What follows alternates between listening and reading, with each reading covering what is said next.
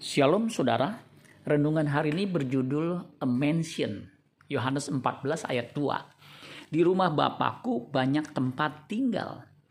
Jika tidak demikian, tentu aku mengatakannya kepadamu.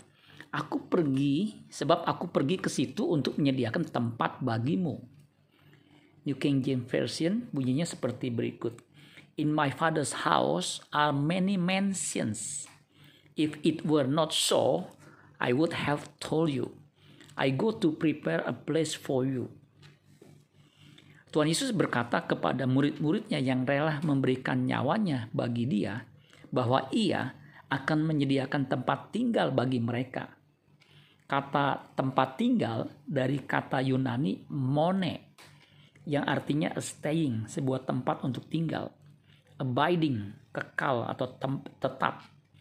Dwelling, tinggal secara permanen. Tempat tinggal secara permanen, dwelling. Residence, tempat tinggal. New King James menerjemahkan kata mone dengan mansion. Menurut kamus, mansion itu artinya rumah besar dan mewah. A mansion is a large dwelling house. The word itself derives through all friends from the Latin word mansio, dwelling an abstract noun derived from the verb manere, to dwell. Sebuah mansion adalah sebuah rumah besar.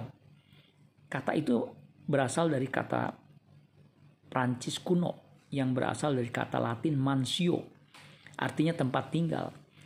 Sebuah kata benda yang abstrak berasal dari kata kerja manere, artinya menetap. Tempat tinggal adalah sebuah kebutuhan dasar manusia Orang sangat membutuhkan rumah untuk ia memulai segala sesuatunya. Orang bekerja keras untuk mendapatkan sebuah rumah untuk dihuni bersama keluarga terkasih. Masalahnya, tidak semua orang bernasib baik mempunyai rumah tinggal yang baik. Ada orang yang sampai akhir hayatnya masih ngontrak. Orang percaya tidak perlu ngoyo, bekerja keras membanting tulang apalagi dengan cara yang salah hanya demi mendapatkan sebuah rumah yang pada akhirnya ia tinggalkan. Tuhan Yesus memberi contoh bahwa ia tidak mempunyai tempat untuk meletakkan kepalanya.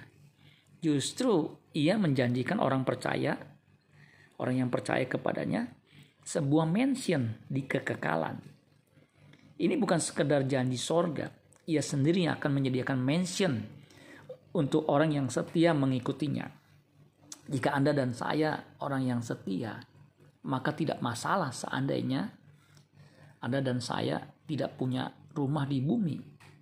Karena ia akan menyediakan hunian tetap di rumah Bapa di sorga. Amin buat firman Tuhan. Tuhan Yesus memberkati. Sola Gracia.